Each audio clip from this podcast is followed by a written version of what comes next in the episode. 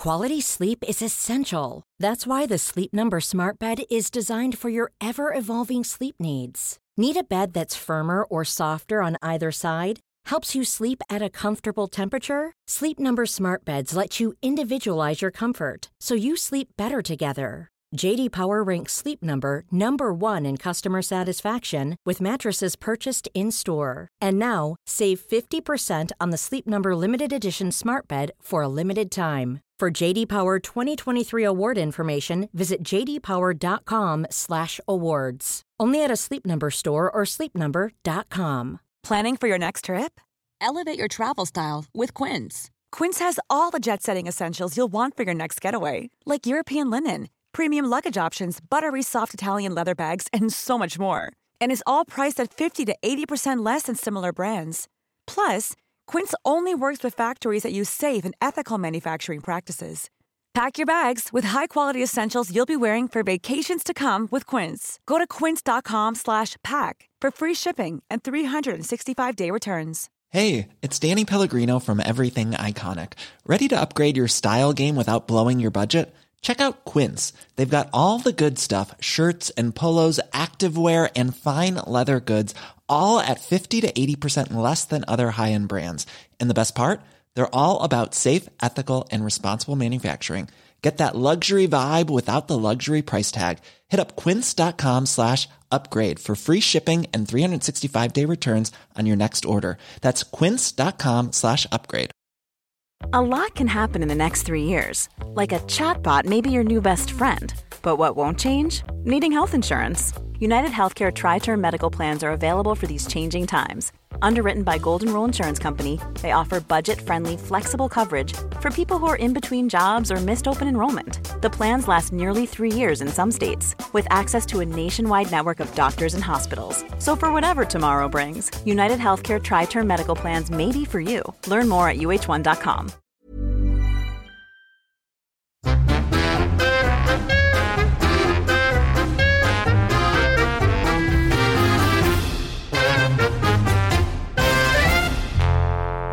Hej och välkomna till Inte din morsa. Nu drar vi vapnen. Nu, Nu eh, skjuter vi skarpt. skjuter vi skarpt.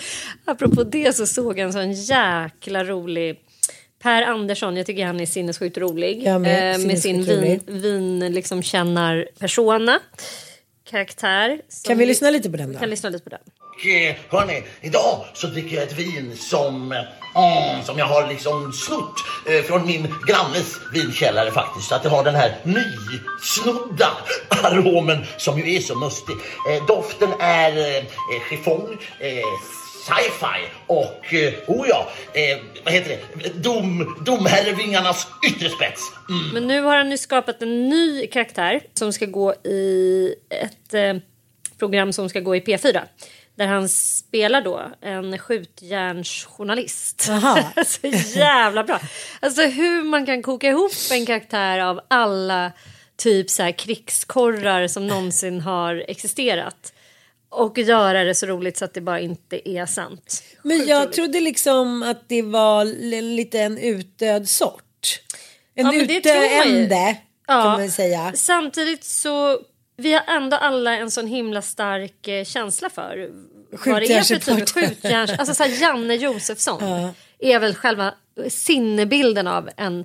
Vi kan lyssna lite grann på hur det låter Ja, det när han gör göra. sin Gunnar Frankman. Det dold agenda i P4 och det här är Gunnar Frankman. Nej, fan.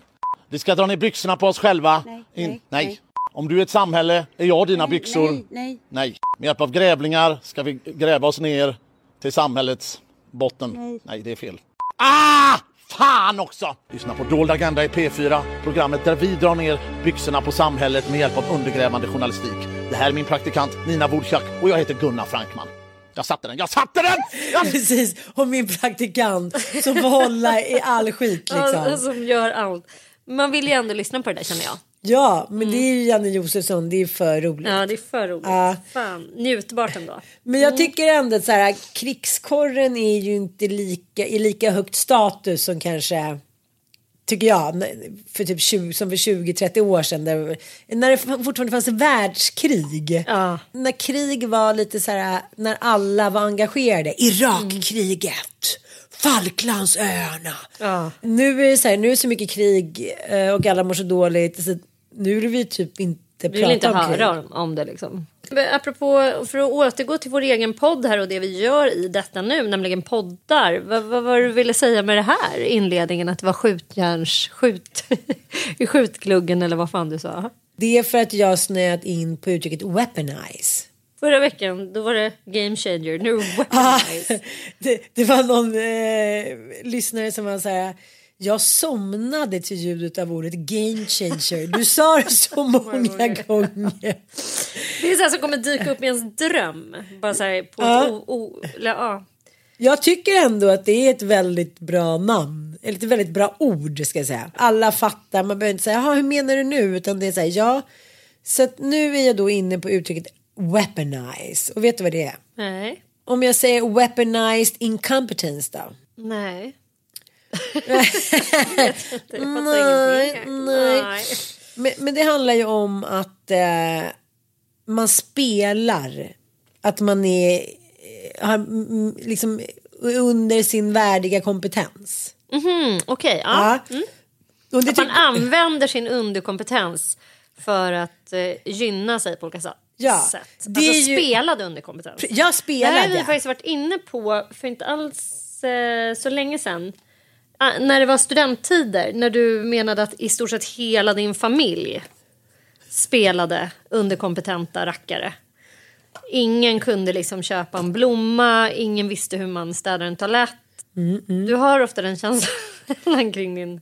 Jag bara snöade in på det för att jag lyssnade på dumma människor och då tog de upp det eh, uttrycket. Ja, Och då sa ju Björn Hedensjö då som är psykologen i den här duon att eh, han hade använt sig av den här eh, strategin då att man liksom underkompetent. Att man spelar då och det kan man ju göra på massa olika sätt. Eh, Antingen kan man ju bara köra en gamla klassiker men du är mycket bättre på det.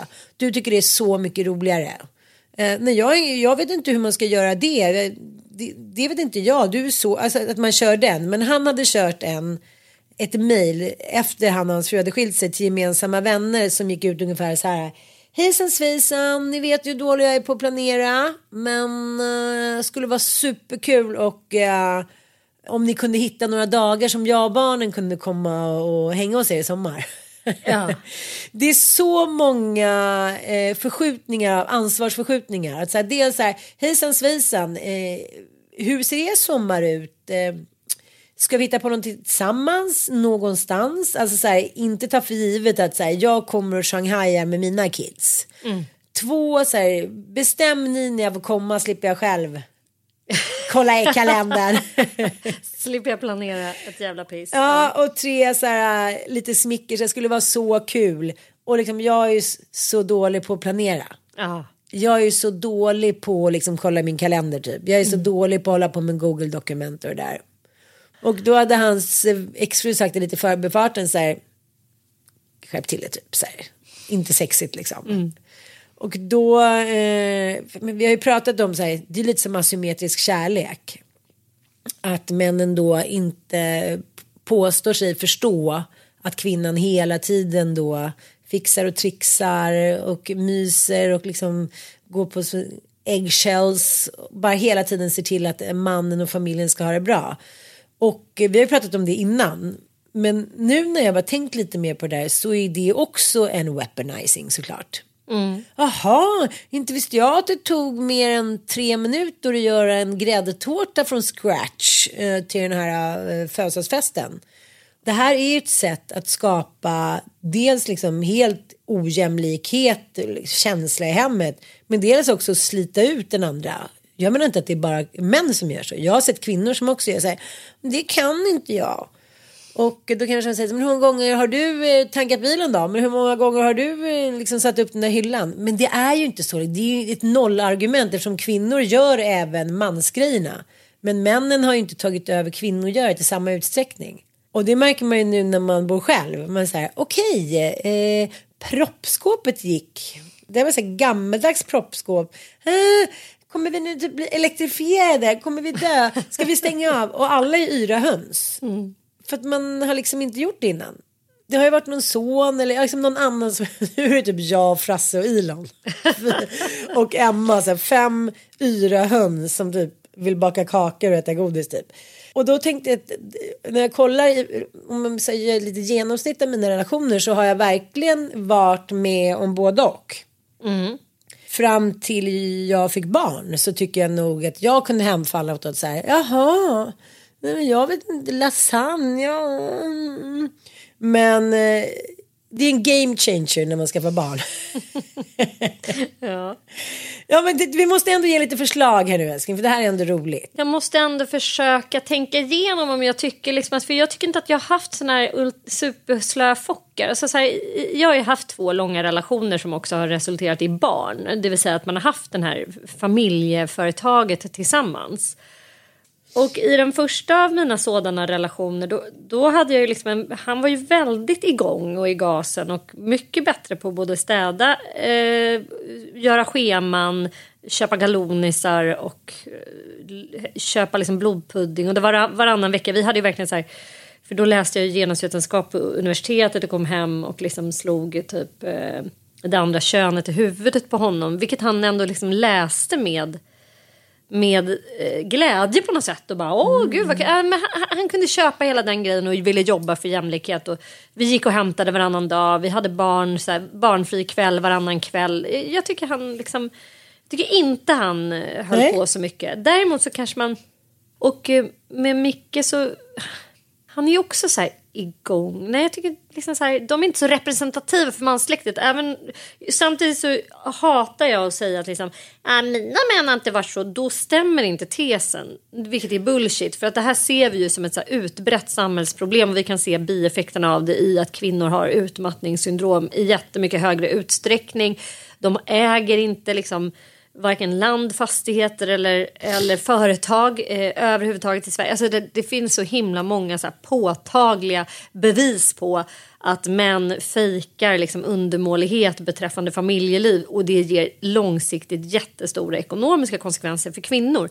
Så, men jag kan inte säga att mina karlar var så jävla representativa. Men är du inte hem, lite, jag vet ju hur ditt, din exman var. Han var ju väldigt liksom kvinnlig på Ja. det sättet. Nej, men han bakade. Ja, alltså, han eh, nej. lagade mer Ja. mat än vad jag gjorde. Han eh, var du var ju mycket väldigt bättre ung på... också älskling. Det var jag. Var ju typ men han 12. var ju mycket mer intresserad av att ha middagar och socialt samkväm. Nej, men han, hans liksom... han tog tag i sin skit och han kunde Ja. överraska. Ja, ihåg ja, när han var liksom berättade. superkompetent på det Att hon planet. hade kommit hem och det var någon kock där och pianist. Men han verkar ändå fram till det tar slut vara en bra man att leva med.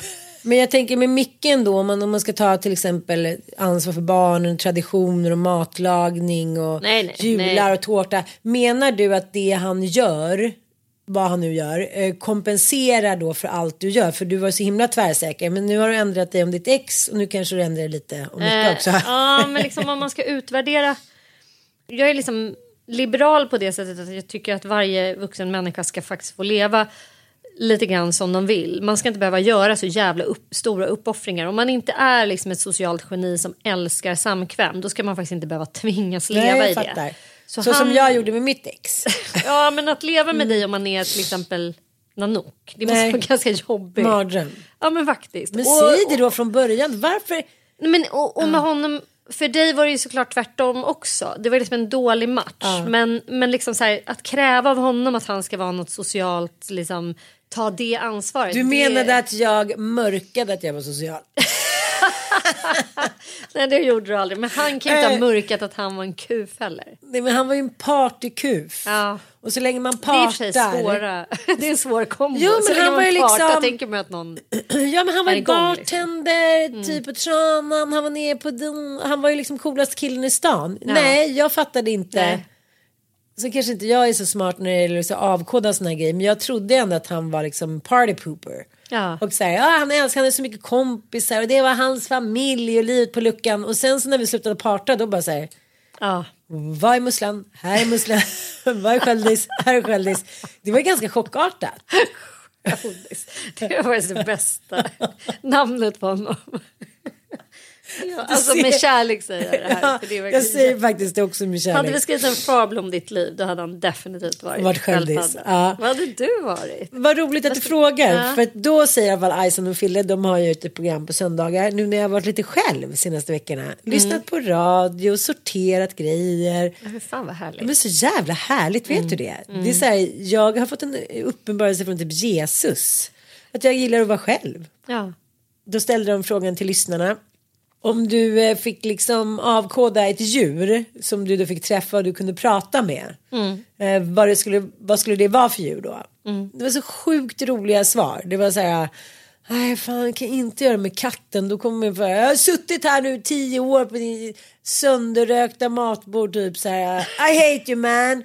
Eh, Men ovanligt många eh, ville träffa så här djur, ja men varelser i havet. Och det var så himla fint. Både du och jag gillar ju elementet hav liksom. Eh, och även berg. Men jag känner mig extremt fri när jag liksom snorklar, när jag eh, har tuber och liksom dyker. Ah. Det är något väldigt speciellt. Man känner ju så här, vi kom ju från havet. Och det känns tydligt och det är lite som med min 17-åring Dante. Han, när man ser honom i havet då ser man att han är så fri. Ja. Och han har alltid Så varit så. alltid varit. Ja. Det är verkligen, han är Ta pupparna. Ja. Tre år alla var så här, kolla på den här pojken. Det är galenskap på hög nivå. Han simmar. Jag var så här, jaha. Han var nästan så autodidakt simmare. Ja, helt otroligt Ja. alltså. Så hemma i det där elementet. Ja men det är ju som bebisen som kommer ut, de kan ju också simma. Alltså det är inte så svårt tolkat, det vi kommer ifrån har vi inte så svårt att lära oss liksom. Men då tänkte jag att jag skulle fråga dig, eftersom du kom in på det, om du då fick träffa ett djur som du kunde prata med. Ja. Vad, vilket djur skulle det vara och vad skulle du fråga det djuret? Åh, nej men gud, jag vet precis. Jag skulle vilja prata, jag har ju till och med anlitat en djurpratare för att få veta. så knäpp är jag. Men, du är inte jo, men jag skulle vilja prata med... Du kommer inte få komma undan från det där du sa nu så nej, snabbt. nej, nej, nej, du nej, kan berätta jag, för ja, men Jag skulle definitivt vilja prata med min häst eh, Chilo. Ja. För att eh, jag behöver inte verbalt språk för att kunna prata med djur. Alltså med Nej. mina hundar så känner jag att jag... Alltså det finns ett intuitivt språk och det finns energier som man pratar med. Det finns kroppsspråk och bemödar man sig om att lära känna liksom, de arter som man är intresserad av att ha relation med så kan man ganska snabbt i alla fall se det här gillar han eller hon, det här tycker hon eller han inte om. Oj, nu är han rädd, nu är han ledsen. Alltså det, de, de förmedlar sina känslor lika tydligt som människor. Så jag brukar inte alls ha något behov av att säga jag måste veta vad du säger. Nej. Men med henne så har jag haft det. Jag har varit så här, jag måste få veta hur hon hade det innan hon kom till mig. Ja. Jag måste få veta vad hon har blivit skrämd över. Jag måste få veta vad hon har varit med om. Och jag måste få veta varför hon är så otydlig när hon säger saker. För det, liksom, jag har missuppfattat henne väldigt många gånger. Så jag anlitade då en kvinna som är medial. Det är inte något konstigare än att Katarina Sellner Nej. är medial. Men det här är då en djurpratare. Och, och det här kan man skratta hur mycket man vill åt eller tycka är liksom flummigt eller så. Hon berättade liksom bara väldigt så konkreta saker. Att hon, dels hade hon ju eh, smärtor liksom, i, i kroppen. Eh, vilket ju stämde. Den här kvinnan träffade alltså inte ens Kilo. Utan hon satt på håll och körde en reading. Oj då, det här är bra cash. Ja. Jag känner, det var jag inte känner. så dyrt. Du har en röd matta. Men jag ska säga att det, hon pinpointade var hon hade smärtor.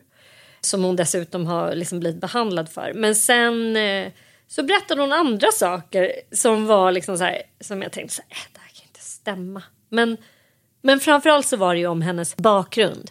Att hon har ju blivit väldigt skrämd av människor. Och eh, eh, hennes reaktioner på rädsla, precis som för alla däggdjur, det, är- det är antingen fight or flight eller freeze. Men för de flesta hästar så, så springer man ju. Alltså, de, de har ju mycket närmare till flykt än vad människor har. Ja, och olika ja. djur har liksom olika närhet och olika försvar.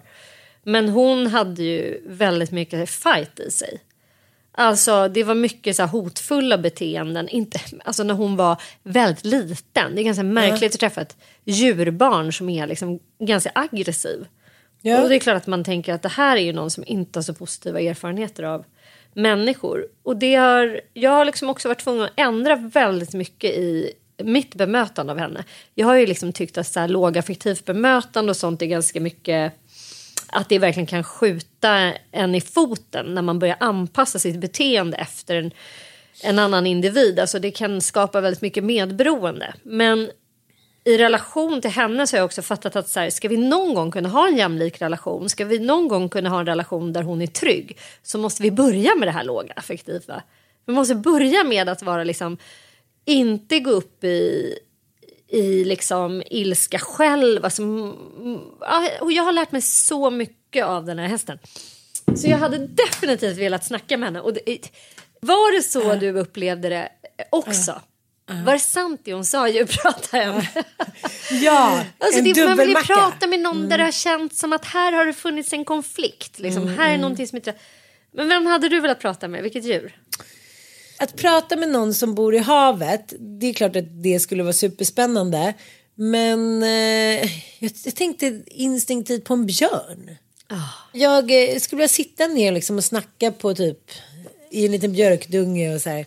Hur är det då? Och, hur tänker ni? Tycker, ni försöker inte modernisera er med sova ide och Man skulle också vilja veta hur de uppfattar jakt. Alltså. Ja, och För människor, hur varför många- just de är så Ja. jävla aggressiva. Varför tycker de att vi är ett hot? Vad är det som har hänt i det? Varför sticker de inte bara iväg? Varför går de så ofta till attack? För det är väldigt ovanligt liksom. De flesta djuren lunkar ju bara iväg. Men nästan alla filmer på så här Youtube och... Mm. Grizzly bears, Ja, det det är är så här.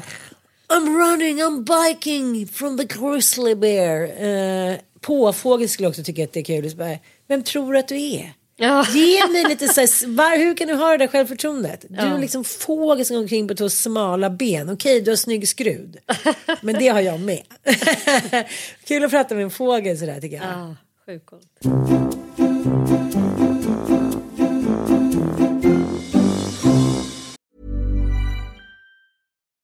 Life is full of what ifs. Some awesome, like what if AI could fold your laundry?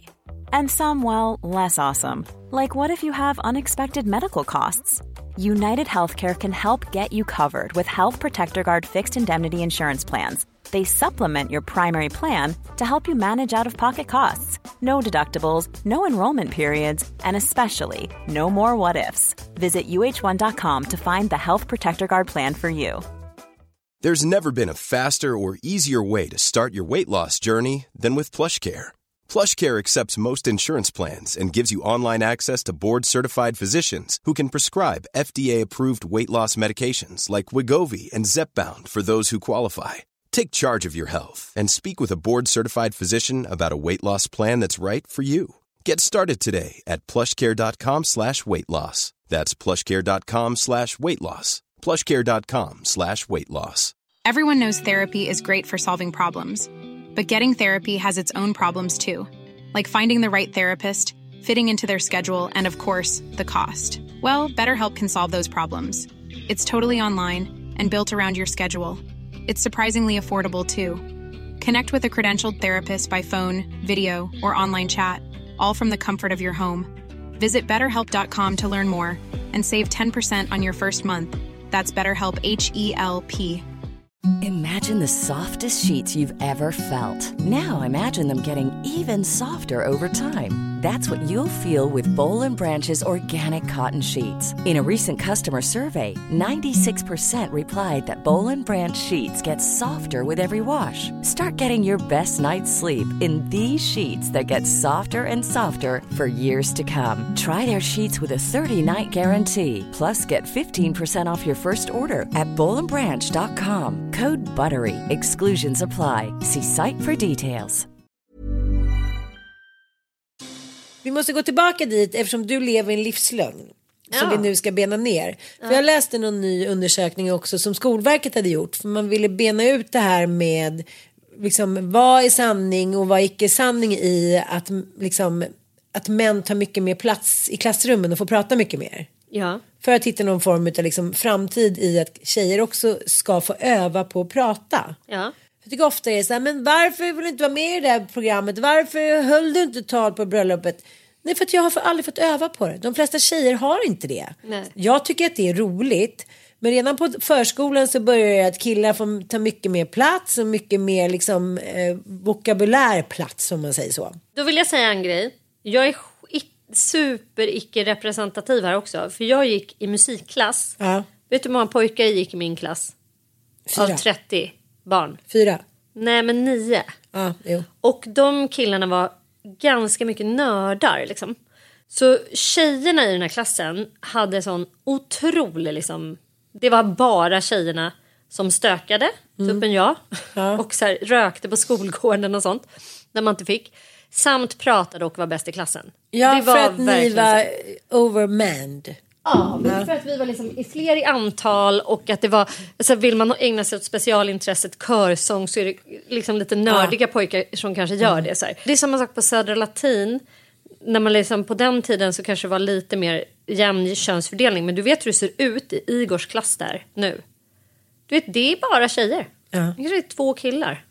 Ja. Och det, jag vet inte om det är dåligt eller om det är bra, men att man har gjort classroom studies för att kunna se då tydligt liksom, ur ett genusperspektiv hur eh, lärare och förskollärare framförallt behandlar flickbarn och pojkbarn är jätteolika. Det, det, är liksom så här, det kan man inte blunda för, man kan inte låtsas som att det Nej. inte existerar. Och det jag menar, vi har det i vårt DNA, vi har det i vår, våra traditioner. Vi tänker inte ens på att vi gör det. men vi ska också vi ska också ha väldigt klart för oss, vilket jag tycker är så jävla deppigt när man har gjort classroom studies på förskolebarn från ett år upp till fem. Pojkbarn i mycket mindre utsträckning får tröst än flickbarn. Det är så jävla deppigt så att alltså, du vet, jag bara... Extremt du har fem, fem pojkbarn. Man bara, men vad kul att gå till dagis. De sitter med någon så här, liten gråtande flicka i famnen. Men när det är en pojke som gråter då tenderar förskolepersonal att tänka du är en liten tuffing. Du behöver inte... det behöver inte jag ihop." hinna med också. Nej, eller liksom du ska lära dig att inte gråta. Du ska lära dig att inte bita ihop så du blir inte uppmärksammad för det beteendet. Typ. Hur Sorgligt. som helst så, är det, eh, så- kom Skolverket fram till då att nästan alla som hade svarat på den här enkäten, det var ju många tusentals elever Mm. och lärare och personal hit och dit, var rörande överens om att killar och tjejer fick prata lika mycket i klassrummet. Ja. Lite som den radiodebatten som pågick. Att kärringar bara snackar. Ja, ja, ja. Ja, och så visade det sig att det var ju var Arpi som babblade Arpi som, som helvetet. ja, snackade mest. Så att det är ju samma sak som så här, klimakteriehäxor, fan kan tjejer bara snacka, kan alla hålla käften? Det är ett sätt att försvara sig för mannen att, så här, att inte behöva svara på frågor tror jag. Att inte behöva engagera sig i det dagligt sociala snicksnacket. Mm. Så det var ju liksom, det var ju en eh, otrolig skillnad på hur mycket killar och tjejer fick prata. Och det är den, det är liksom den fällan jag tror att du har fastnat i nu med Micke.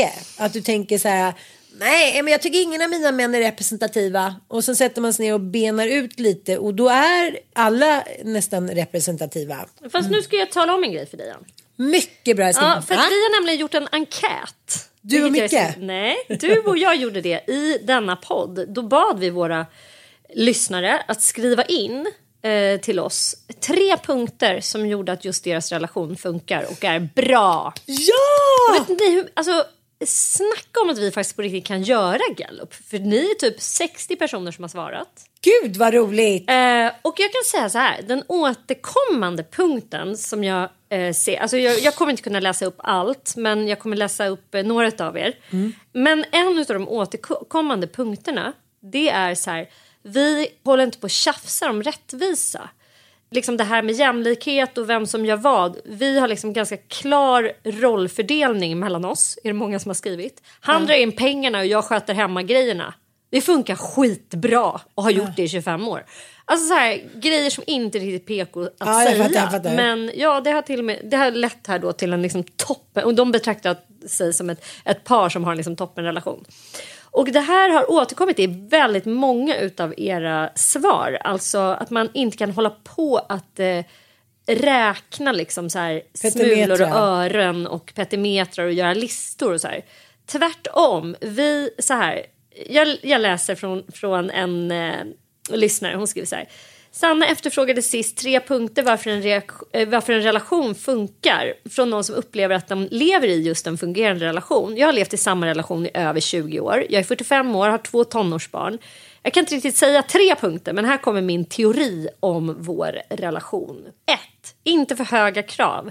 Det går inte att ändra någon och du är själv ansvarig för din egen lycka och inte din partner. 2. Vi träffades i 30-årsåldern så båda har levt ett liv innan, dock inga tidigare barn. Vi är båda självständiga individer, dock inget öppet förhållande. 3. Vi lever i ett traditionellt förhållande. Han drar in pengarna, jag tar hand om resten. Det vill säga rollerna är tydliga, behöver, det behöver aldrig diskuteras. Dock ska sägas att jag dessutom har ett jobb som är eh, samma som mitt intresse, det vill säga jag älskar det, annars hade det nog inte funkat. 4. Vi är snälla mot varandra. 5. Vi gillar varandras kompisar. Ja, men det där var liksom ett, ja. ett typexempel för vad ni har haft. Och sen så skriver en annan tjej så här. Hej, tack för en toppenbra podd. Vi träffades, jag och min man alltså, efter varsin skilsmässa i 40-årsåldern och har nu hängt ihop i 25 år. Känner tillit, ömhet, stöd. Kan prata om relationen och båda värnar om att ha ett sexliv som passar för båda. Och det ska jag säga en annan punkt som återkommer hos väldigt många av er som har svarat. Att ni har ett bra sexliv. Att det är ett sexliv där man liksom bemödar sig om att man faktiskt har sex som båda tycker om och att man kan prata om och så utforska liksom bra sex. Jag har en till här som jag vill läsa upp. Hej bästa ni, ni bad om relationstips i längre relationer. Det som i alla fall funkar för oss efter 17 år är ett, garva tillsammans. Välj en kul kille. Alltså hur fan vi håller med om det. Ja. Framförallt snygg om du inte kan få, framför snygg om du inte kan få båda. Som även tycker att din humor och dina dåliga skämt är fantastiska. Två, här har vi en. Dela upp marktjänsten. Han tar disken, jag tar tvätt- tvätten. Ja, liksom hur svårt ska det vara? Ja. Tre, våga bli osams och visa känslor men var inte långsint och eh, båda bör våga ta steget till försoning snabbt när luften är rensad men framförallt ha kul tillsammans, livet är kort. Det här kommer ni också till. Om jag får sammanfatta era svar. Jag har faktiskt läst vartenda ett av dem och jag, är, jag bara känner att jag vill göra en bok om det här. För att det här är så Ja! fantastiskt. Vi, vi ältar för mycket och, och ägnar oss så mycket åt problem och vad som är dåligt hos varandra. Det här är så fantastiskt för här får man se liksom så här konstruktiv psykologi. Det vill säga, vad är det som funkar då? Och det här med att ha kul, det verkar vara liksom, eh, det typ viktigaste. Bra sex, skitbra. Men sen ser jag här, den sista lyssnaren skriver ju här liksom att så här, dela upp markservicen. Vissa kan ju då hävda att ja, men tvätta gör man ju en gång i veckan, diska gör man ju varje dag. Så det är klart att det är mycket jobbigare att ha den. Men grejen är den att de bara ens har kommit och diskuterat det här och kommit överens om det. Att man har gjort en överenskommelse om vem som gör vad. Att man faktiskt har någon typ av blick på att det inte bara ska göras lite osynligt. Så här. Och det gäller väl de som har den här traditionella uppdelningen. Han cashar in och hon sköter marken, markservicen där hemma. Och det är klart att är man två personer i ett hushåll utan barn så kanske inte är så himla jobbigt att dammsuga. Eh, Nej, så. nej, inte så det är väl jät- jättestor skillnad. Men de kanske inte skulle ha den dealen om de hade haft fem barn tillsammans. Då kanske de hade behövt eh, snacka Nej, lite jag om fattar, det. jag fattar. Men- Men, det verkar vara i alla fall att man är har ett levande samtal och kan diskutera. Det här är ju vi, vi finns till för att liksom berika varandras liv och göra livet lättare för oss båda eh, tillsammans med varandra. Jag träffade en, eh, pratade med en man som jag jobbar lite med och han sa så här, min nya relation, min nya kvinna, eller nio, nio men fem, sex år, hon är så otroligt mycket mer krass än vad jag är. Jag, både jag och min exfru var ju superkänslomänniskor vilket gjorde att vi liksom skulle täcka upp för varandra hela tiden. Men min nya fru eh, är så himla krass och ju mer han berättade så tänkte jag så här Nej men gud vad sexigt, gud vad romantiskt. Att istället för så här hela tiden hamna i någon så här känslomässigt kaos. Bara, då kände jag så här. Då var jag, är det så här, nej men nu gör du det där så jag gör det där och sen kan vi bara ha en härlig kväll tillsammans. Alltså så här krass, ja men nu funkar inte det, eh, då får vi göra det någon annan dag. Ja nu så, och Ja. att inte ta det så jävla personligt hela tiden. Jag tänker i min första relation, den kanske fortfarande hade hållit nu om jag hade varit en tusendel lika krass som Nanook. Ja. För idag hade jag ju garvat åt han så här, du är varm. Och bara så här, "Ha, okej, autist-VM. jag kan inte, jag vill inte eh, pussa dig på stan när människor känner igen dig. Alltså jag tog allting personligt. Som att det hade med mig alltså min persona. Hur attraktiv jag var, hur roligt det var att vara med mig. Och i det så triggades ju mitt medberoende igång. Fast det hade inte med mig att göra. Med det sagt, om du tycker att jag lever en livslögn så vill jag säga så här. För er som tror då, eller för dig som tror att jag lever i en liksom livslögn så gör jag inte det. Men, vi, eh, det här med att så här, gå och störa sig på att någon har vissa brister eller oförmågor eller att jag har ett till exempel större då ansvar över barnen, för det har jag. Ja. Verkligen. Alltså så här, när det gäller hämtningar och lämningar och så. Vi har en situation i vår relation där jag inte stör mig ett jävla dugg. Och det ser jag faktiskt som ett kvitto på att eh, då är det, då är det okej. Okay. Alltså det, det, är en okej okay fördelning. För om det inte är det, då börjar det skava, då börjar man störa sig, då börjar man bli irriterad. Jag vet att jag har en otrolig känsla för rättvisa. Alltså det har jag. Det, vi pratade om det förut, att det är det som får igång mig. Det är det som gör mig arg, både å andras vägnar och, och, och alltså så här, en konflikt för mig handlar ofta om känslan av att ha blivit orättvist behandlad på något sätt. Och, och så har det varit väldigt mycket. Alltså med, med Ville hade vi så här petimeteruppdelning och det mm. tror jag bottnade i, i liksom att jag hade ett behov av att... Eh, jag vet inte. Men, men jag var inte han också det. lite sån då? Jo, jag tror att han var liksom lite grann så också. Ja. Men så är inte Micke alls. Han är väldigt generös och bjuckig. Ja. Mm, och sen så är han oförmögen på vissa plan men han är också en jävla doer. Alltså han, han håller på med saker konstant. Han är i ett. Han sitter aldrig och latar sig på, på min bekostnad. Aldrig. Det Men kommer det dig till gang då allt det där han håller på med? För det du gör, laga god mat, baka, ta hand om barnen, fixa Ja, idag har han till exempel gjort hela min ridbana med så ny sand och mm -hmm. på att hämta stolpar uppe på runsten. Alltså, så här, jo, men han gör massa saker som kommer mig till gang. Det kan man inte. Han har hjälpt mig att bygga så här, tre hästhagare. Som... Men jag tycker bara det är intressant mycket. att veta. Ja. jag tycker att det är intressant med det här uh, weaponized, liksom, uh, att man uh, gör sig sämre än man är. För att, det var som någon psykolog skrev i någon artikel att det är ju också, man måste ju vara konsekvent mm. när man gör sig sämre än vad man är. För att ja. alla fattar ju att i dagens samhälle eh, istället för att säga så här, jag vet inte hur man gör när man målar den där, jag vet mm. inte hur gör man en dressing. Alltså det fattar ju alla att säga, googla då. Kolla på ett program. Ja, nej, men det är ingen som går på det. Så det är ju en ja. jävla strategi. Det är ju inte mm. så här, oh, han kan inte det där. Alltså, mm. Jag märker att många av mina tjejkompisar går igång på, ja, nu packade jag hans väska. Jag bara säger, vet du, säg inte ens de där grejerna till mig. Jag tycker inte att det är kul, jag tycker inte att det är charmigt. Och så sitter snubben bredvid så här, men jag ville packa älskling. Och så tänker jag så här, det där är ett spel mellan dem. Det där mm. är mating, det är en jävla parningslek som pågår.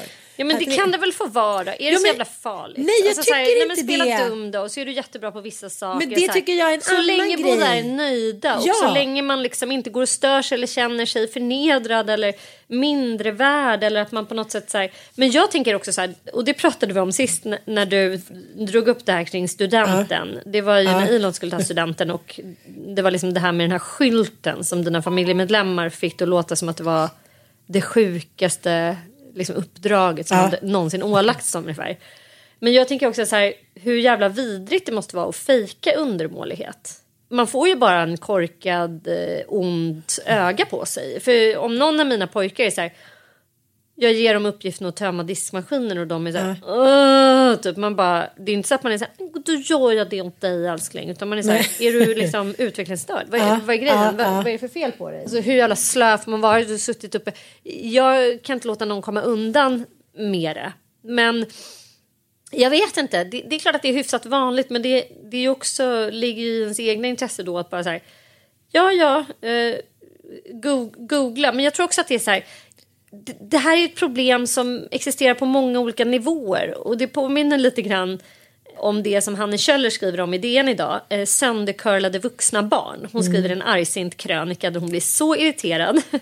Hon eh, är så tydlig då i sin så här liberalism i vad hon tycker är okej och inte. Hon har väldigt så stark moral kring olika saker. Eh, då har hon träffat några, vuxna, eh, några liksom kompisar vars vuxna barn eh, besöker, för han är ju då på, på besök hemma hos några polare som har köpt ett hus någonstans på sydliga breddgrader, det framgår inte var. Men att där är då de vuxna barnen naturligtvis varmt välkomna att hälsa på när de vill, men de får betala sina resor fram och tillbaks till det här härliga stället okej, ja. själva. Fair. Där har de liksom en tydlig uppgörelse, föräldrarna bjuckar på något litet men de vuxna barnen är ändå förmögna att arbeta och bekosta egna liksom, flygresor dit eller tågresor. Mm. Och det tyckte Hanne var liksom en toppen uppställning. Så ska man ha det med sina vuxna barn. De ska ax- börja bidra ekonomiskt. Ja. Sen hade hon träffat sen hade hon träffat ett annat gäng kompisar. Och då framgick det att de skulle åka, eh, det här då föräldraparet och även några andra då, goda vänner till, till hela gänget skulle åka till Kanada och åka skidor. Inte billigt. Det låter som en jättedyr resa. Och då framgick det, för då hade Hanne nosat runt lite där. Vem eh, är det som bjuder era vuxna barn? Nej, det är pappsen som gör förstås.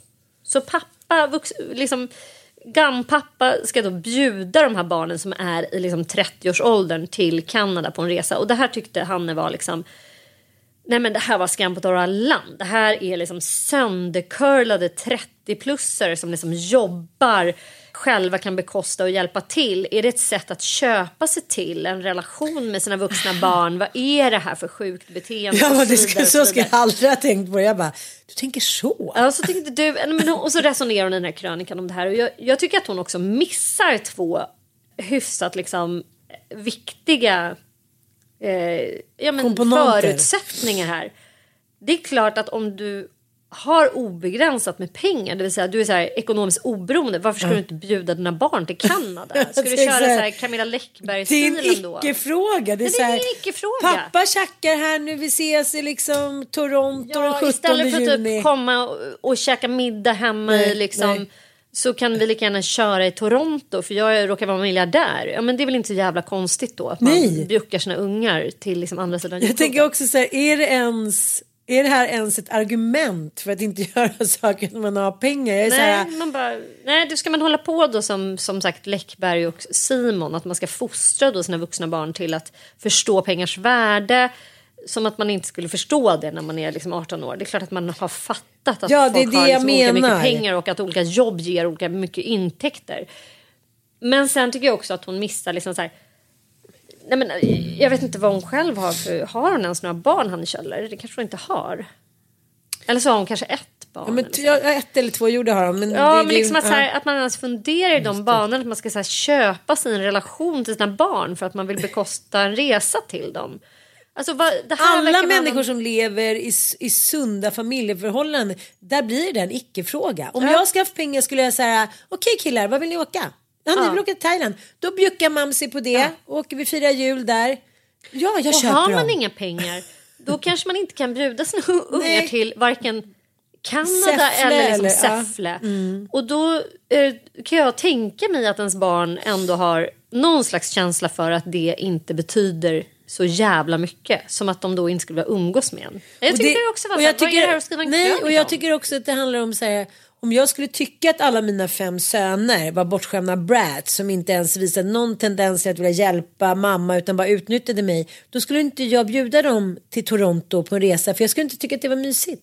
Nej, Jag skulle inte känna mig uppskattad. Nej. Så liksom det där går ju hand i hand såklart. Ja, det, det går ju av sig självt. Ja. eh, Tänker jag. Man slutar ju bjuda någon som är otacksam och Ja. liksom... Ja, hur roligt är det att sitta där i. Toronto med så fem ungar som bara, kan jag få det? Kan... jag-" Mm, bara, det var inte tillräckligt bra säng på det här hotellet. Ja, men, men det som jag ska säga är att här, man ser ju tydligt och det är ju också så här Lilla Fridolf, det är ju en nidbild av en man liksom i svensk modern historia. Från så här, åh han klarar ingenting, lilla Åsa-Nisse, pruttgubbar typ. Men när man verkligen gör det till en konstform, att så här hela tiden framställa sig själv som en så här, jag lät dig, det har jag haft flera män som säger, jag lät dig stå i första rummet för du är mycket smart, man märker att folk gillar det du gör mer. Att det är så här, till slut så märker man så här, men gud hur orkar du hålla fast vid det här? Att det blir liksom patetiskt, osexigt. Men det handlar ju bara om att man har en icke-respekt mot sig själv. Att man har sån ovilja till ansvar. Inte att misslyckas, att man även i andras ögon inte bryr sig om att folk tycker man är patetisk.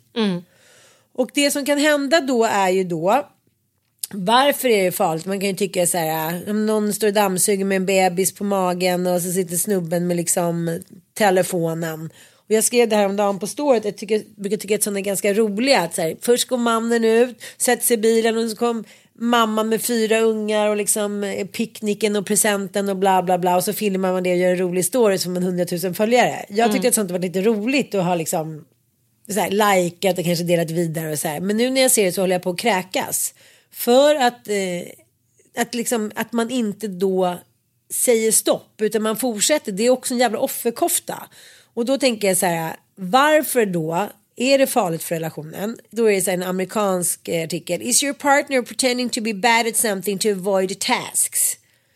Här handlar det också om att man är tidstjuv, att man så här, är kidnappad av ett stressigt moment. Så man är så här, det är inte så här att jag inte tror att mitt ex inte kan göra en dressing. Alltså det så fattar jag också googla då. Alltså, så Men, men, men tro, om vi ska koka ihop hela jävla soppan. Tror inte det handlar om att det är ganska vidrigt att leva tillsammans med någon som försöker använda en som någon typ av slav? Det är det som är grejen. Att man känner att så här, du fejkar undermålighet för att utnyttja mig. Och det är liksom oavsett om det gäller eh, liksom att så här, du, du ska komma typ ur den här relationen rikare än mig. Både på sömn, tid, Kärlek, pengar omsorg, och att du är så här, utveckling. Ja, alltså så här, fysiskt välmående alltihopa. Då kommer du ut som en så här, liten babyunge och själv är man som ett så här, slitet jävla vrak. Ja. Det är liksom det vi pinpointade när det gäller skilsmässor. Att kvinnor oftast mår bättre efter en skilsmässa Ja. och män sämre. Så det är väl hela den grejen. Och jag För mig är det så här, gud, har jag, har jag tittat på ett avsnitt av en tv-serie? Mm. Vadå? Alltså jag har ju en ansiktsrutin nu på kvällarna som Emma har lärt mig 19 år. Hon bara, jag bara så här, kletar på någonting, hon bara så här, nej. Först ska du ha den där krämen, ska jag på det. Jag bara, jaha det där brukar jag använda som borttagning. Så hon bara, Mm. nej det är en fuktgröjare. Fem kluttgrejer håller jag på med nu. För att jag kan. Mm. Så jag hinner, jag orkar. Jag, så här, jag läser en artikel, jag lyssnar på en podd, jag liksom läser en tidning, jag har fint hemma. Och jag har alltid undrat så här, vadå, har ni, när såg du den serien? Jag, alltså, jag har liksom inte förstått att det här pågår i mitt virvar av att täcka upp. Jag tror ändå sam- alltså jag känner ju dig väldigt bra. Ja. Och har känt dig länge. Ja. Och jag anser inte att ditt problem i dina relationer enkom handlar om ojämlikhet. Det är som att göra liksom så här. Nej men det är typ eh, våran ojämställda värld. Det är könsmaktsordningen som gör att Ann Söderlund mår dåligt. Nej! Jag tänker så här. Jag, eh, när jag ser dig i kring dina män så tycker jag också att du behandlar dem som att de är alltså, Inkompetenta. marsvin typ. Som är så här, inte klarar av att göra dressing, de kan inte ta hand om barn, de kan inte göra någonting. Det är som att du har en idé om att män inte kan grejer. Och att din uppgift i relation till män är att rädda dem, fixa åt dem, täcka upp för dem, dona grejer. Alltså typiska medberoende beteenden som du har fått med dig från att du växte upp i, i liksom en familj där din mamma gjorde eh, samma grej med din jättebebis till pappa som hade liksom alkoholproblem. Och det ska man veta, det säger Monica Fagerholm i min, min eh, serie Beroende. Lyssna på den för övrigt. Och för att det här, Var lyssnar man på den? man lyssnar på den i Sveriges Radio eh, Play-appen och det är alltså, serien heter Beroende med Sanna Lundell. Och jag intervjuar denna veckan eh, författaren Monica Fagerholm. Och du ska lyssna på det avsnittet för hon berättar liksom precis vilket jävla litet gnällunge man blir när man eh, har varit eh, alkoholist under många år. Alltså man tappar ju bort hela sig själv, man vet inte vem man är. Man vet inte... Alltså, det är verkligen som att bli någon slags så här, liksom behövande, skrikande barn som aldrig är. Jättebebis. Jättebaby. Så, så jag tror att så här, när du går in med den blicken på män så är det lätt hänt att man liksom också svarar an på den. Eh, och sen förstås att du har ett attraktionsmönster där du söker till såklart män som har sådana liknande drag som din pappa. Liksom. Men nu vill jag åt liksom det där. Den Strukturella. Typ, ja, den typen av man som så här idogt Förmodligen då i samverkan som då du säger då med mig eller med en annan kvinna som då är så här, nej han klarar inte det. Och då märker ju han fördelarna av det och så här, nej det gör jag inte. Men idag är det ju väldigt få vardagsbestyr som en karaslok eller en kvinnoslok inte skulle kunna klara av. Genom att till exempel googla, genom Mm. empirisk erfarenhet, genom att fråga en granne, kolla på ett tv-program, läsa. Alltså det går ju inte längre att skylla ifrån sig. Sen så här 40-talisterna, jag pratade med en tjejkompis, hon var så här, när mamma dog hux flux, det var helt sjukt. Pappa visste liksom inte på riktigt hur man kokade ett ägg. Han visste inte hur man sätter på diskmaskinen. Det är också en annan generation. Men idag att åberopa att man är så här. Nej, ingen aning om man gör och det vet inte jag och du är mycket bättre och det kan inte jag. Och så, här, och så sitter liksom med telefonen medan liksom kvinnorna härjar omkring. Men tycker du att det är så mycket? Ja. Jag tycker, jag tycker inte alls att det är, Är så. det så? Nej, men Jag jag, tycker inte det är så. Inte i mina, bland mina vänner. Nej, det kan jag nej. Mm. absolut inte säga att jag tycker att det är så. Kanske jag har något par där det är så här som man bara, nej men herregud vad är det här för nästan så här skämt. Men Mm. i övrigt så nej, jag kan inte, om jag tittar mig runt så Nej. har jag inte så många som ha- har den där typen av så här curla big mansbaby beteenden. Men, jag, jag får eh, inte grepp om vad många män gör. De gör grejer Mm. utom socknes och liksom på jobb hit och dit. Men hemma i fam familje, liksom, eh, ja, de Mm. vanliga, då tycker jag att det är många kvinnor som drar det största lasset. Ja. Mm, Ja, vi, Snälla hör av er. Eh, hur är det hemma hos er? Är det jämlikhet? Ja. Och är det en förutsättning för att man ska ha en bra relation? Alltså vi har ju redan gjort den här gallupen och Jag vet, det verkar men- ju liksom inte som att det är så. Nej. Men vi, vi kan väl säga så här, ni som är intresserade av att uttala er i ämnet, ni Mm. kan väl ändå så här, kanske fördjupa er lite grann i om ni har haft den här typen av diskussioner, Mm. om ni har förändrat någonting hemma, att ni har fått nys, alltså fått en känsla av att det här är fan inte schysst. Jag har en big baby i hemmet. Men det är inte så svårt egentligen som våra lyssnare här. Vi har, jag gör de tjänsterna, han gör det och det funkar ganska organiskt. Så som du gör med bra vänner. Ja. Alltså det kan inte vara så svårt. Nej, jag, jag Nej, vet jag inte. inte. Liksom här, Är det svårt?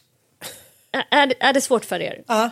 Och liksom, den Ja, här gången behöver inte ni som tycker att allting är så jävla bra bara höra av er. Ni, kan, Nej. ni som också tycker så här, nej men det här är ett riktigt jävla fitt stort problem i mitt liv. Ja.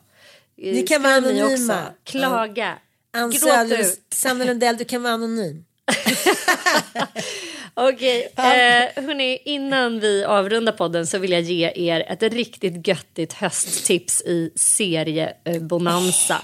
härligt. jag kände mig så tom och liksom behövande för att jag hade betat av varenda serie som jag tyckte var värd att liksom titta på. Bara, du vet när man är i den här öknen och börjar läsa böcker istället, vilket är väldigt härligt. Men sen fick jag plötsligt tips om en HBO-serie, dokumentärserie, True Crime. Det gillar man ju. När de inte är för läskiga, för jag står inte ut med så här mord och slakt och Jeffrey Da- Dahmer. Alltså det, det, det klarar inte jag av att titta på. Jag blir- liksom mår för dåligt av det. Men serien The Vow. Har du The hört talas om Vow. den? The Vow. Löftet. Nej men det här är liksom too good to be true. Det här är liksom bland det smaskigaste och mest intressanta eh, för en psy- psykologiintresserad människa eh, som jag antar att många ni som lyssnar är eh, att titta på. Och jag ska säga i tre steg varför den är så jävla bra. Ett, eh, sekter är ju generellt så intressanta. Men det är ju någonting alldeles i synnerhet intressant när man får verkligen inifrån material. Och det får man inte särskilt ofta när man tittar på dokumentärer om sekter. Därför att de lever ju ofta i väldigt slutna samhällen och de är ju väldigt duktiga på att få så här, total lojalitet så att deras medlemmar aldrig liksom, eh, berättar exakt vad det är som sker. Det är mycket hemlighetsmakeri och sådär. Så när man gör dokumentärer om sekter så är det liksom alltid efter att Ja, sekten har ja. existerat. Efterbilden. Ja, efterbilder och ser mycket så utifrån perspektiv. Men i The Vow så är det liksom precis tvärtom. Därför att den här sekten som heter Nexium, man tror nästan så här när man börjar titta på den, bara, nej men det här måste ju vara en spelfilm. Det här kan inte vara, det här är liksom, varför har jag missat det här? Nexium var jättestora i USA under 90-talet. Eh, Nexium. Nexium och de, det är så här NX i eh, VM. Eh, det är liksom en, en bokstavslek. Och det är ingen religiös sekt utan mer en självutvecklings så här, leadership, management, alltså de förtäcker sin sektverksamhet i liksom... Sitt är du intresserad av personlig utveckling? Kom på våran kurs, bli ditt bästa jag. Och knulla med Jeff, Love och Dick. med Keith Raniere, Raniere som, Ja. som är då ledaren. Nu vet och han är om. philosopher, Mm. he is a philosopher och det, han, han då sam, eh, samkör sekten tillsammans med en kvinna som heter, eh, som heter Nancy Salzman som är eh, liksom sjuksköterska och psykolog och har jobbat mycket med smärtproblematik. Så eh, hela sekten är liksom eh, förtäckt i någon typ av så här självutvecklings... Get yourself your highest potential. Typ. Så du går, börjar gå på liksom kurser med en filosof och en psykolog typ, som kommer ge dig olika verktyg för att nå din sanna potential. Eh, så du går då på olika kurser, du klättrar i grader och det som gör materialet, det filmade materialet unikt, det är att det är en av de eh, sektmedlemmarna då, eh, de kallar sig själva inte för sekt, men en av medlemmarna i, i den här rörelsen eh, får uppdraget, för han är nämligen filmare, de riktar in sig på eh, liksom skådespelare, filmare, lite kreatörer och ganska rika personer. För att de fattar att det är här, om vi når ut till liksom dem så kommer vi kunna casha in. Vi kommer kunna bygga den här sekten mycket mer lukrativt. Scientologerna. Ja, precis. Och därför så är det eh, en filmare som han, han är ganska framgångsrik eh, redan från början. Han heter Mark, tror jag. Mark, en, någonting, ja, skitsamma. Det är ointressant. Men han eh, får till uppdrag att liksom filma sekten och filma Keith Raniere eh, och hans underbara liksom, eh, utsagor och hans fantastiska framträdanden och alla hans lektioner och även hans privatliv. Så han får liksom följa honom som en fluga på väggen för att ah, gestalta denna, liksom, detta genialiska... Skapa en kult. Ja, skapa kulten. Så från början så är det här liksom tänkt som någon typ av propagandamaterial, helt enkelt. Problemet är att Mark då efter åtta år kommer på att det här är en sekt, det här är en galen Efter man. åtta år? Ja, efter, efter att ha varit liksom väldigt aktiv medlem också. Så att då eh, hoppar han eh, som en av de första av sekten. Och är har allt det materialet. Och har allt det Nej, materialet. men gud vad Så att liksom bara här, nej men du vet det är så mycket kliddrigt, snuskigt, smaskigt material som man bara dör. För meningen var att han skulle klippa bort våldtäkterna. Ja, äh, meningen är att han ska liksom klippa bort hans så här brutala konstiga sägningar om så här, typ att ett övergrepp inte är ett övergrepp för en 15-åring kan ju faktiskt ändå liksom vara mogen Mm. och i vissa länder så är det inte att betrakta som våldtäkt om man är över 12 år och så vidare. Alltså det är mycket sådana saker. Det är det ju alltid. Varenda Ja. sekt går ut på att gamla gubbar ska få knulla unga tjejer. Ja, och det, finns så, ju ingen det annan... tar aldrig slut. Nej. Man bara, men gud, har Hur ni mycket inget ni annat knulla? intresse? Hur mycket Skär av den där pitten. Men hur också mycket, och det som man också ändå, för det som är också otroligt eh, fascinerande med den här eh, sekthistorien och just den här dokumentären, det är ju att man har faktiskt bemödat sig om att försöka se det här ur ett bredare perspektiv än att här var den onda sektledaren, de här stackars offren som har liksom så. Utan att man faktiskt har försökt förstå helheten i den psykologin som gör att man söker sig till en sån här rörelse och att det faktiskt fortfarande finns personer som eh, brottas med eh, att de älskar den här mannen. Alltså att han hade så jävla mycket goda egenskaper samtidigt som han var jätteond. Att liksom han gjorde och så här, så det är ur en moralisk etisk perspektiv så jävla intressant. För vi lever ju också i den tiden att man är så här, han har varit vidrig mot en person, rulla honom i fjädrar och doppa honom i tjära. ja, ja. Men liksom så här, när man har gjort jättemycket, en grej som, som Nexium blev väldigt kända för, uppmärksammade för, det hade jag ingen aning om, det var att de lyckades bota så här, personer som hade kraftig OCD, alltså kraftiga tics, tvångstankar och alltså galenskaps... Eh, du vet när man bara svär, vad heter det? Tourettes. Tourettes syndrom. Alltså så här, otroliga Tourettes.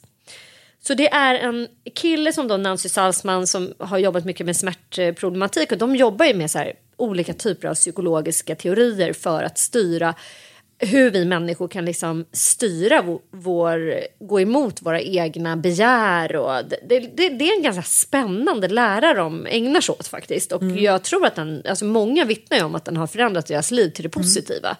Förutom de som har gått in i den innersta kretsen då med knulleriet och våldtäkterna och övergreppen och så.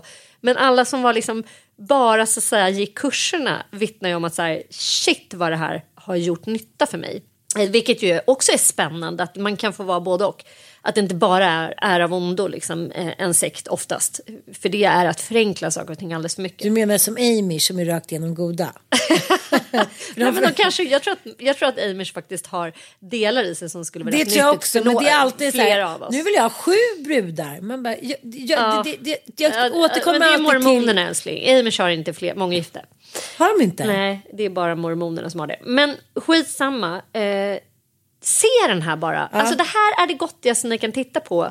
Om ni är intresserade av psykologi, mellanmänskliga relationer och eh, av liksom frågan om ont och gott. Alltså kan man vara ond och god samtidigt? Eh, kan det man gör som har nytta för många, kan det så att säga väga upp att man har skadat då kanske? För det är framförallt tre eller fyra personer som har fått enormt stora både fysiska och psykiska sår efter eh, den här sjuka mannens liksom, framfarter.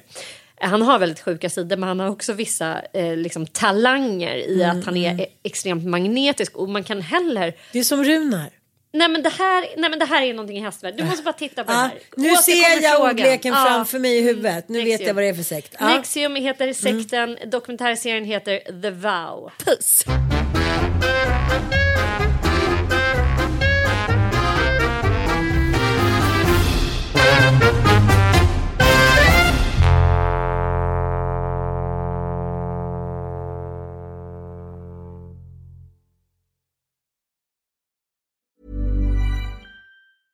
Even when we're on a budget, we still deserve nice things.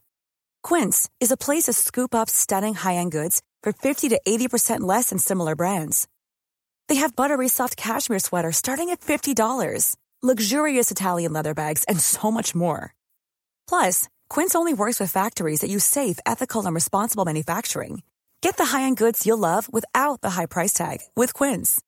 Go to quince.com slash style for free shipping and 365-day returns. Mom deserves the best, and there's no better place to shop for Mother's Day than Whole Foods Market. They're your destination for unbeatable savings, from premium gifts to show-stopping flowers and irresistible desserts. Start by saving 33% with Prime on all body care and candles. Then get a 15-stem bunch of tulips for just $9.99 each with Prime. Round out Mom's menu with festive rosé, irresistible berry chantilly cake, and more special treats. Come celebrate Mother's Day at Whole Foods Market.